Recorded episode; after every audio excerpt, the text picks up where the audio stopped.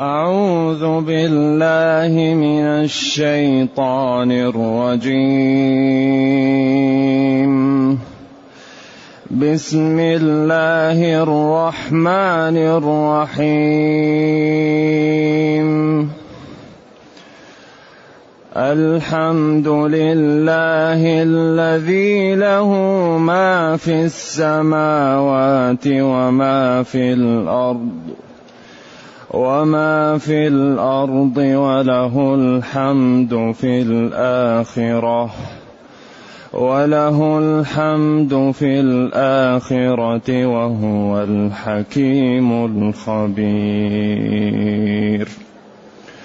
وهو الحكيم الخبير يعلم ما يلج في الأرض وما يخرج منها وما ينزل من السماء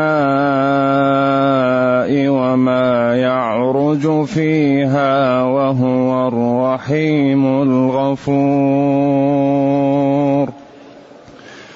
وقال الذين كفروا لا تاتينا الساعة قل بلى وربي لتاتينكم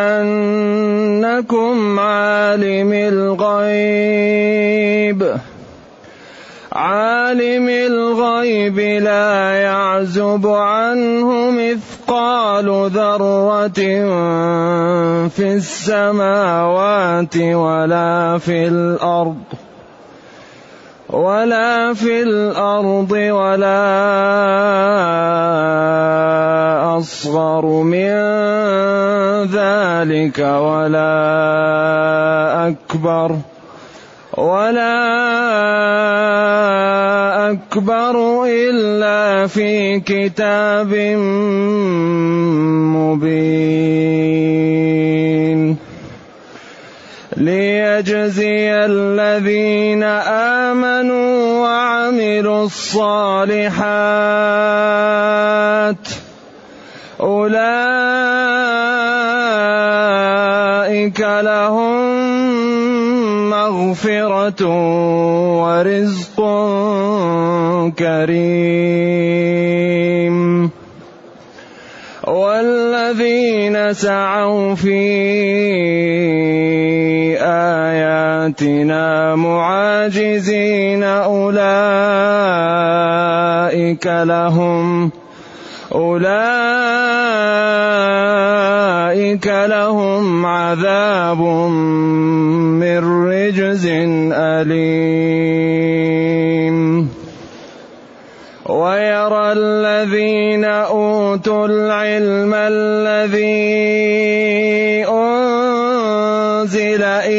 إليك من ربك هو الحق هو الحق ويهدي إلى صراط العزيز الحميد. وقال الذين كفروا هل ندلكم على رجل ينبئكم؟ وقال الذين كفروا هل ندلكم على رجل ينبئكم إذا مزقتم كل ممزق إنكم لفي خلق جديد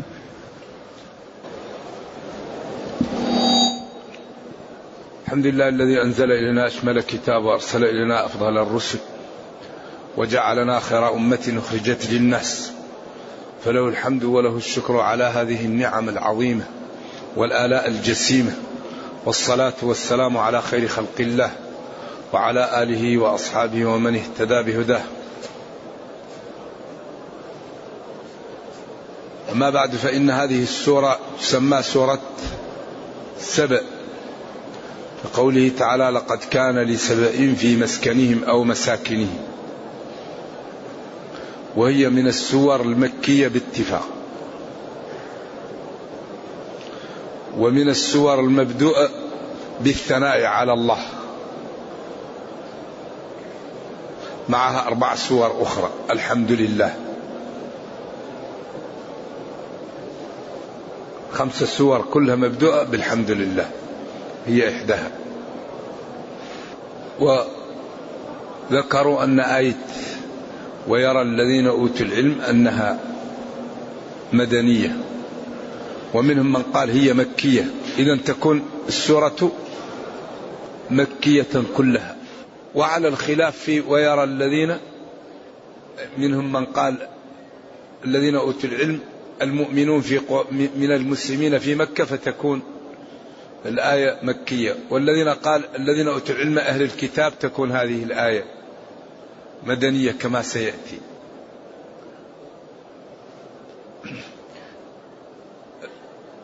بسم الله الرحمن الرحيم. تقدم الخلاف فيها وتكرر. الحمد لله. قبل أن نبدأ أكرر أن القرآن جاء يبين سبع علوم. هذه الأمور إذا صاحبها المستمع استفاد كثير. العلوم القرآن جاء يبين سبع علوم وهذه العلوم تتكرر كثير. الأمر الأول التوحيد وأكثر شيء يبينه القرآن التوحيد. بطريقة معجزة متكررة مقنعة مفحمة. أكثر ما يأتي في القرآن الله. ولذلك كان أول أمر في المصحف اعبدوا ربكم. وكان أول نهي في المصحف فلا تجعلوا لله أندادا. وهذا معنى لا إله إلا الله مفرقة بأدلتها إذا القرآن موضوع وضع ما هو قابل إلا للتسليم. إذا أول شيء فيه التوحيد. ثاني شيء النبوات. ما يجب على الأنبياء وما يجوز وما يحرم. ثالث شيء الميعاد يوم القيامة وأهواله والتحذير منه والتخويف. رابع شيء الأحكام الشرعية. واجب وأقسام الواجب وحرام وأنواع الحرام والمندوب وأنواعه والمكروه وأنواعه والمباح. خامس شيء الوعد إكرام المتقين. سادس شيء الوعيد عقوبة المجرمين. سابع شيء القصص. وهذا يتكرر يتخذ دوائر. يتخذ دوائر في القرآن. مثل أن ترمي الرمية في البحر في الماء تتخذ دائرة. ثم دائرة ثم دائرة ثم دائرة. أحيانا يأتي الأسلوب مختصر. يعني الموضوع الذي يريده القرآن يأتي به في قوالب مختصرة وأحيانا يأتي فيه في قوالب ليست مختصرة وليست موسعة وأحيانا يأتي بالأسلوب موسع. لذلك يأتي بكل الأساليب لكن في أجمل المعاني. قال وكذب به قومك وهو الحق. قل لست عليكم بوكيل. لكل نبأ مستقر. جمل يعني ليست موسعة لكنها مليئة.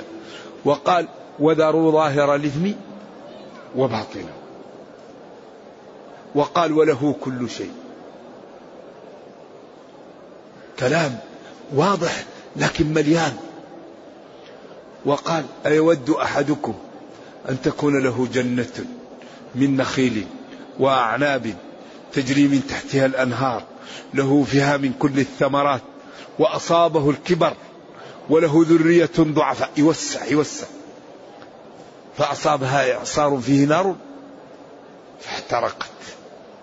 كذلك آيات عجيبة. لذلك الحقيقة هذا الكتاب نعمة من نعم الله علينا.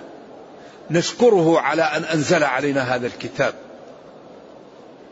إذا موضوعات القرآن سبعة. وتتكرر.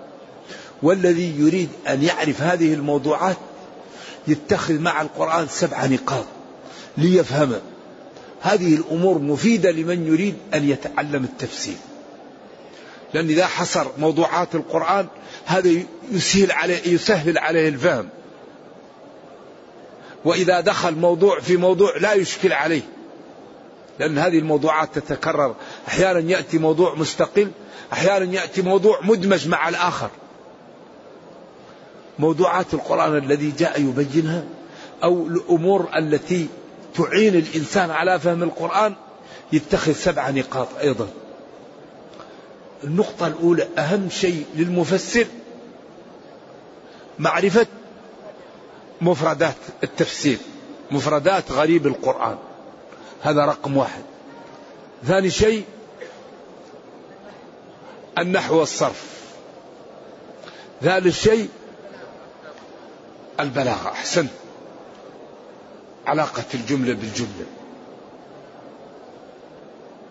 هل هذا الكلام يعني أخبر لإفادة السامع أو للازم الفائدة؟ هل هو خبر؟ هل هو إنشاء؟ هل هو وصل هل هو فصل؟ هل هو إيجاز؟ هل هو إطناب هل هو مساواة؟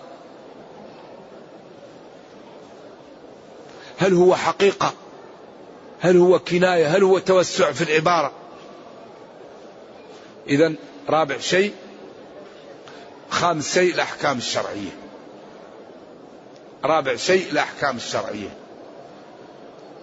الأحكام الشرعية تتطلب منا ماذا؟ تتطلب منا معرفة أصول الفقه. مصطلح الحديث. بما يجمل الكلام. بما يقبح الكلام. أسباب النزول. الناسخ والمنسوخ. القواعد الفقهية. القواعد الأصولية. تتطلب منا معرفة الطرق التي نحكم بها على الأحاديث. لأن طالب العلم لا بد أن يكون عنده من المعرفة ما إذا سمع حديث يمكن يرجع هل هو صحيح أو غير صحيح. لأن ما يمكن واحد يحفظ الشريعة إلا نبي لكن العلم بالصلاح بعد أن يعرف أماكن الأحكام. إذا كان الإنسان يعرف كل المراجع ويفهمها هو هو عالم. كل شيء يشكل عليه يعرف مدركه. المكان الذي يرجع إليه وإذا قرأ يفهم ويستوعب هذا هو العلم. فالكل من أهل المناحي الأربعة يقول لا أدري. ما في أحد يحفظ كل العلم.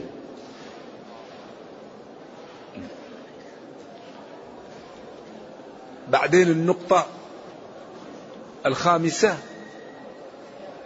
سياق الآيات. هل سياق تهديدي ترغيبي أحكامي وعد وعيدي قصص؟ ولذلك أكثر ما يرجح الطبري في تفسيره بالسياقات. وعثمان لما سئل عن الجمع بين الأختين قال أحلتهما آية وحرمتهما آية. وأن تجمعوا بين الأختين ثم قال والذين هم لفروجهم حافظون إلا على أزواجهم أو ما ملكت أيمانهم ما من صيغ العموم. فهنا حلتها الآية وهنا حرمت آية. لكن سياق سورة النساء في التحليل والتحريم فقدموا سياق سورة؟ النساء لأجل هذا الموضوع السياق. النقطة السادسة معرفة واقع الأمة. هل هذه الآيات معمول بها؟ أو هذه الآيات معطلة عن العمل؟ وهذا استعمال التفسير في حياتنا حتى نستفيد منه. إذا قرأنا الآية هل هذه الآية معمول بها أو غير معمول بها؟ النقطة السابعة ثمرة ذلك الواقع. إذا كانت الآية معمول بها فما المنافع التي جنتها الأمة وإذا كانت الآية معطلة فما الأضرار التي جنتها الأمة بتعطيل هذه إيش؟ هذه النقاط إذا صحبناها تكون لنا عونا على فهم القرآن. وفي هذه الدروس المباركة نكرر هذه الأشياء حتى ترسخ في الأذهان ليكون كل واحد إفادته من التفسير واستيعابه لما يلقى أكثر. إذا يقول جل وعلا الحمد لله الذي له ما في السماوات وما في الأرض. الثناء بالجميل للمعبود بحق الذي له ما في السماوات والأرض. ملك ما في السماوات والأرض. والحمد والشكر بينهما عموم وخصوص من وجه.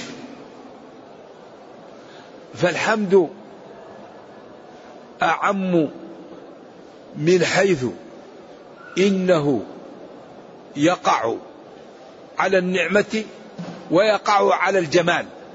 شيء جميل. أيوة. تقول أحمده لجماله ولحسنه. ولذلك قال الطبري الحمد لله شكرا. فجعل شكرا ما نابع عن المطلق من الحمد لله. والشكر أخص موردا لأنه لا يكون إلا على نعمة وأعم متعلقا لأنه يكون باللسان وبالقلب وبالجوارح.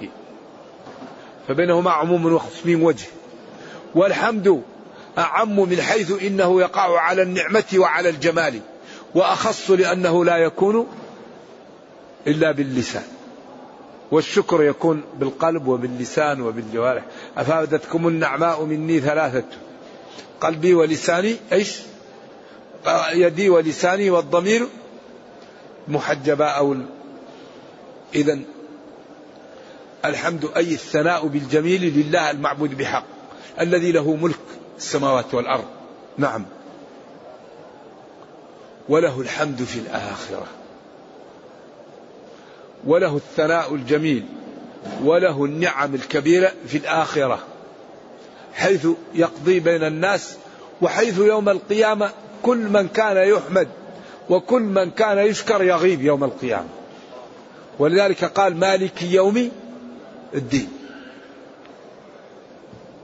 والآخرة هي الدار الأخيرة وهو يوم القيامة وهو يوم الحشر وهو يوم الميعاد وهو يوم الساعة له أسماء. وهو الحكيم الخبير. يضع الأمور في مواضعها ولا يخفى عليه شيء. فهنيء للمتقي. ويا سعادة المؤمن العامل. ويا ويل المجرم الكافر الظالم. لأنه حكيم وخبير. والحكيم هو الذي يضع الأمور في مواضعها والخبير هو الذي يعلم دقائق الأمور ويسبرها غاية السبر. ومقتضى ذلك أن الذي يطيع ربه يعطيه المنازل ويكرمه والذي يعصي يذله ويعاقبه. وهو الحكيم الخبير. وهذا صالح للترغيب وللترهيب. وهذا من جمع القرآن وإعجازه. يعلم جل وعلا ما يلج في الأرض يدخل في الأرض. من المطر ومن الماء الذي سلكه ينابيع. ومن الأموات أمواتا في الأرض. ومن المعادن. كل ما يدخل في الأرض يعلمه. وما يخرج منها. من ماء ومزارع وحبوب وثمار وفواكه. ومن نفط. هذا النفط الآن يقولوا له الذهب الأسود. هذا إعجاز. لأنه قال ينحسر الفرات إيش؟ عن جبل من ذهب. من وجده فلا يأخذ منه شيء والحديث صحيح. من ذهب. الآن يقولوا الذهب الأسود. لا ندري هل هو الذهب الأسود أو ذهب صحيح. ذلك كل يوم يتجلنا الإعجاز في هذا الدين. وما ينزل من السماء من مطر. ومن رزق ومن رحمة ومن تفقير وعقوبة.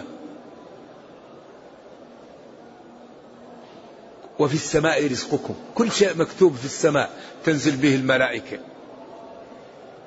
ولذلك قدرة هائلة. قدرة ربنا. لا يمكن أن يدركها العقل.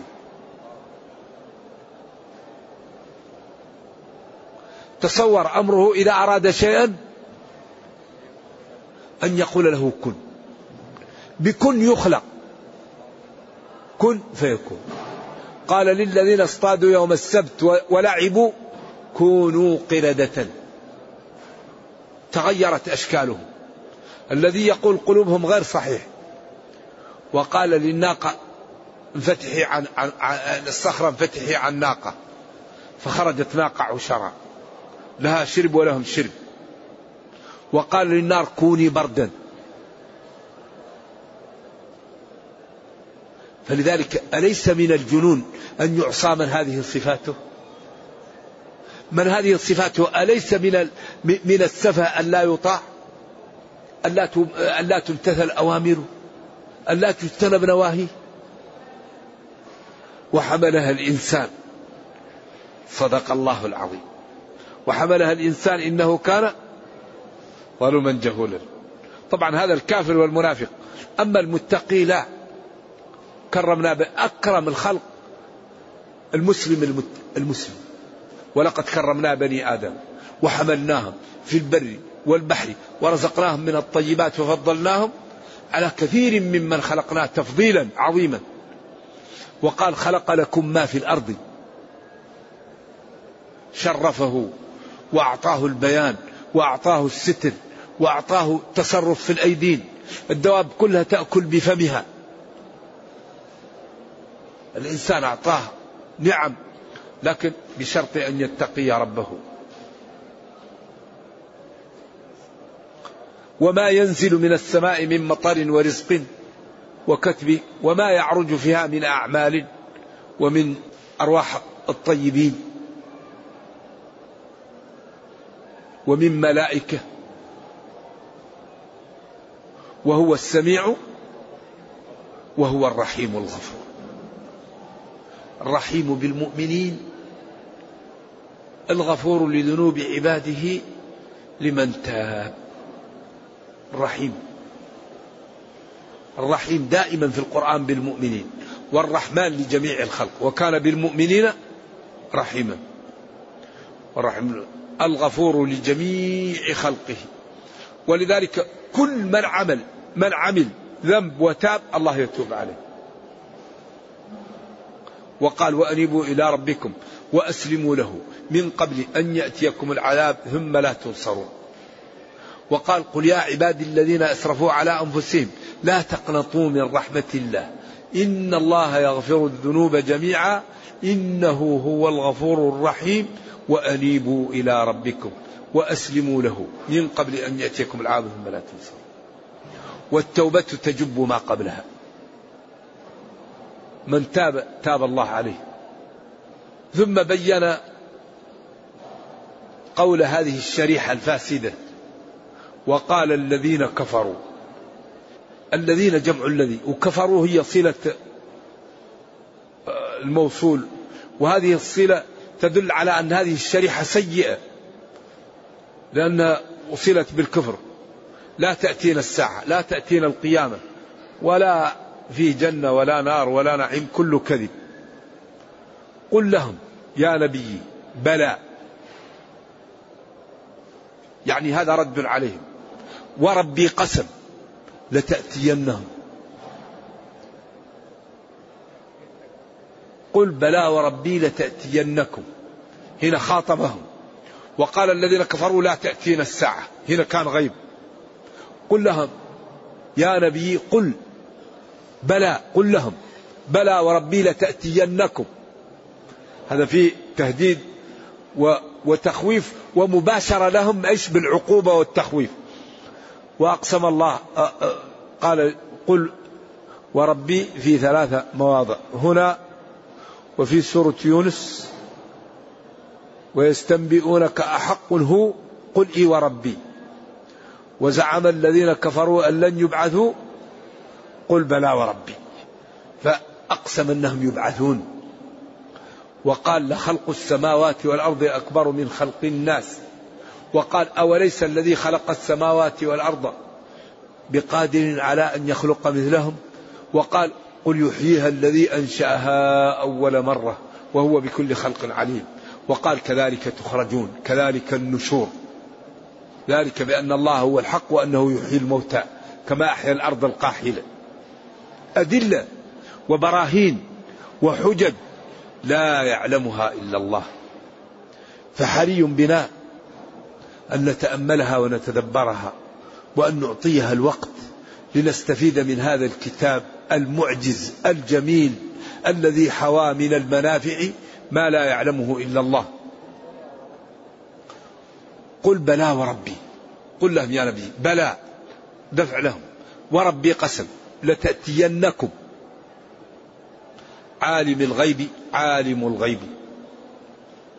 وربي عالم الغيب أو هو عالم الغيب أو أعني عالم الغيب. يعني وارفع وانصب إن قطعت مضمرا مبتدأ أو ناصبا لن يظهر. عالم الغيب وعالم الغيب. أما عالم لا أعرف فيها قراءة لكن أعرفها مقطوعة. أيوة. لا يعزب عنه مثقال ذرة في السماوات ولا في الأرض. والأرض لا يعزب عنه مثقال ذرة في السماوات ولا في الأرض. لا يعزب لا يغيب عنه. وزن الذرة الصغيرة النملة الحمراء لا يغيب عنه. وتحت قدرته وعلمه وسلطانه سواء كانت داخل الأرض أو في السماء. اذا ما المهرب؟ اذا ما فيه إلا الصدق. ما فيه إلا الاستقامة. ما فيه إلا إلا الإنسان يمشي كما أمر. لا يعزب عنه جل وعلا يغيب عنه. مثقال ذرة وزن ذرة. في السماوات ولا في الأرض. ولا أصغر من ذلك ولا أكبر. ولا أصغر من ذلك. لا يعزب عنه مثقال ذرة في السماوات ولا في الأرض. ولا أصغر من ذلك ولا أكبر.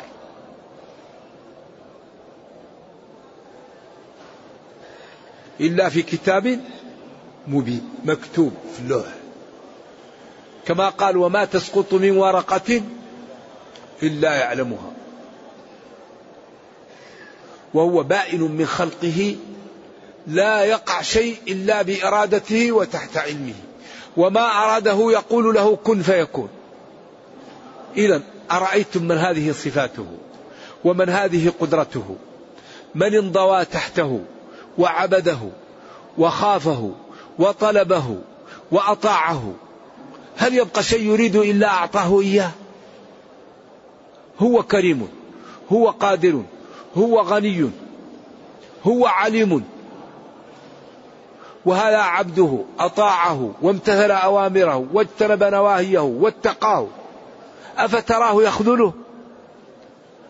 أفتراه لا يعطيه سؤله؟ وهو جل وعلا يقول ادعوني أستجب لكم. وقال ربكم ادعوني أستجب لكم.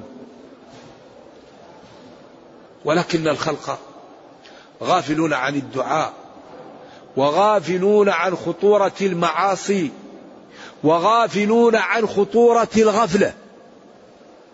الغفلة خطيرة إنسان يغفل. فيقع في الغيبة يقع في النميمة يقع في الربا يقع في عقوق الوالدين يقع في أذية الجيران يقع في التكاسل عن فروض العين يغفل. فلذلك الله يقول ذكر فإن الذكرى تنفع المؤمن المؤمن إذا ذكر خلاص ينتبه. لكن أعوذ بالله الذي مطموس عليه إذا ذكرته لا ينتبه ولا يخاف. ولا تصل المعلومة لقلبه وهذا الذي يخشى عليه.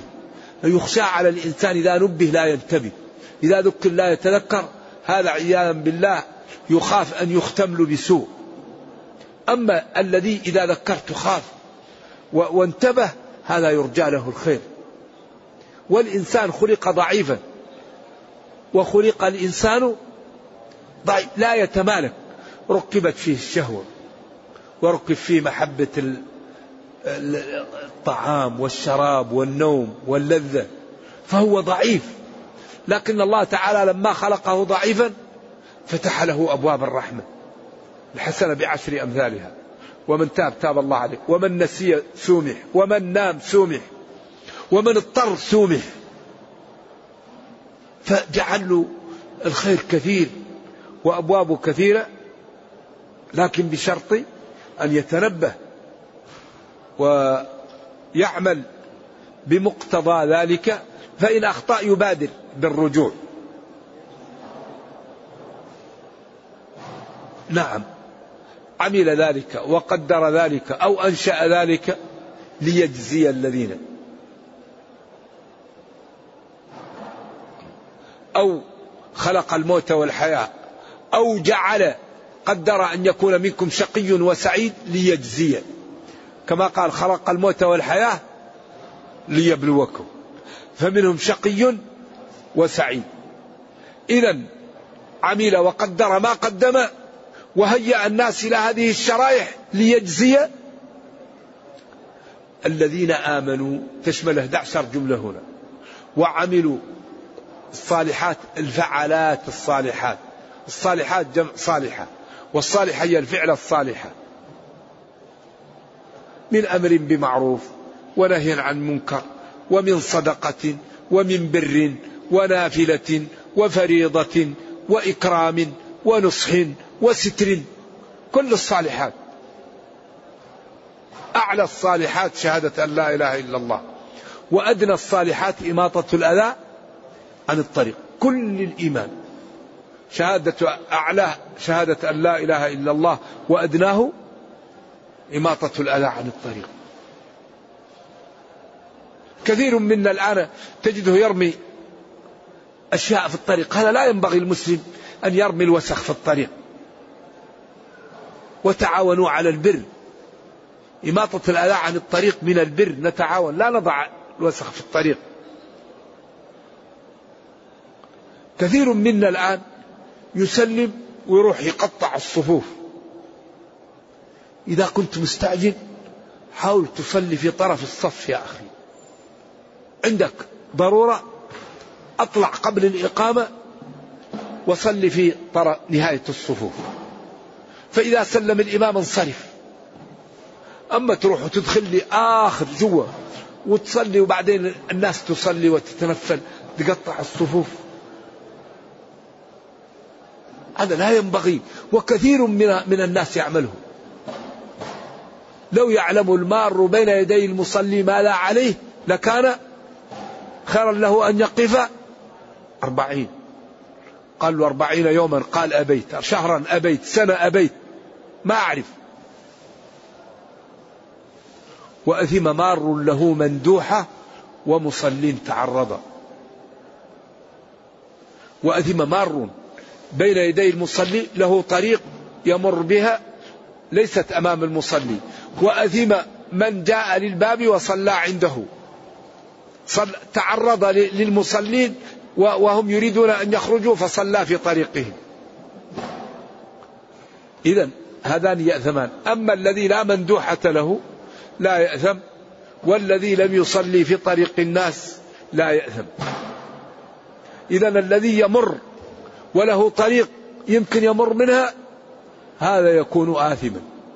والذي يأتي لطريق الناس ويصلي فيها يكون آثم أما الذي لا يصلي في طريق الناس ويأتي واحد ويمر ليس بآثم. أما الذي لا يجد طريق إلا هذه الطريق ويكون مضطر إذا مر ليس بآثم. أرأيتم؟ ديننا دين يسر. دين سماحة نزاهة لكن الواحد يحتاط ولا يمر بين يدي المصلي. لا في مكة ولا في المدينة. إلا إذا كان مضطر. إذا وقف يمكن يقف ساعة ساعتين ناس كثير. أو كان عنده موعد أو كان يعني يحتاج إلى أن يخرج لاضطرار وقد فصل لكم ما حرم عليكم إلا ما اضطررتم له أما يكون عادتنا كل واحد يمر أمام المصلي لا. لأن يقف أربعين. لو يعلم المار بين يدي المصلي ما لا عليه. وقال فليدفعه. فإن أبى فليقاتله. فإنما هو شيطان هذا المقصود به ليس المضاربة المقصود به المبالغة في دفع.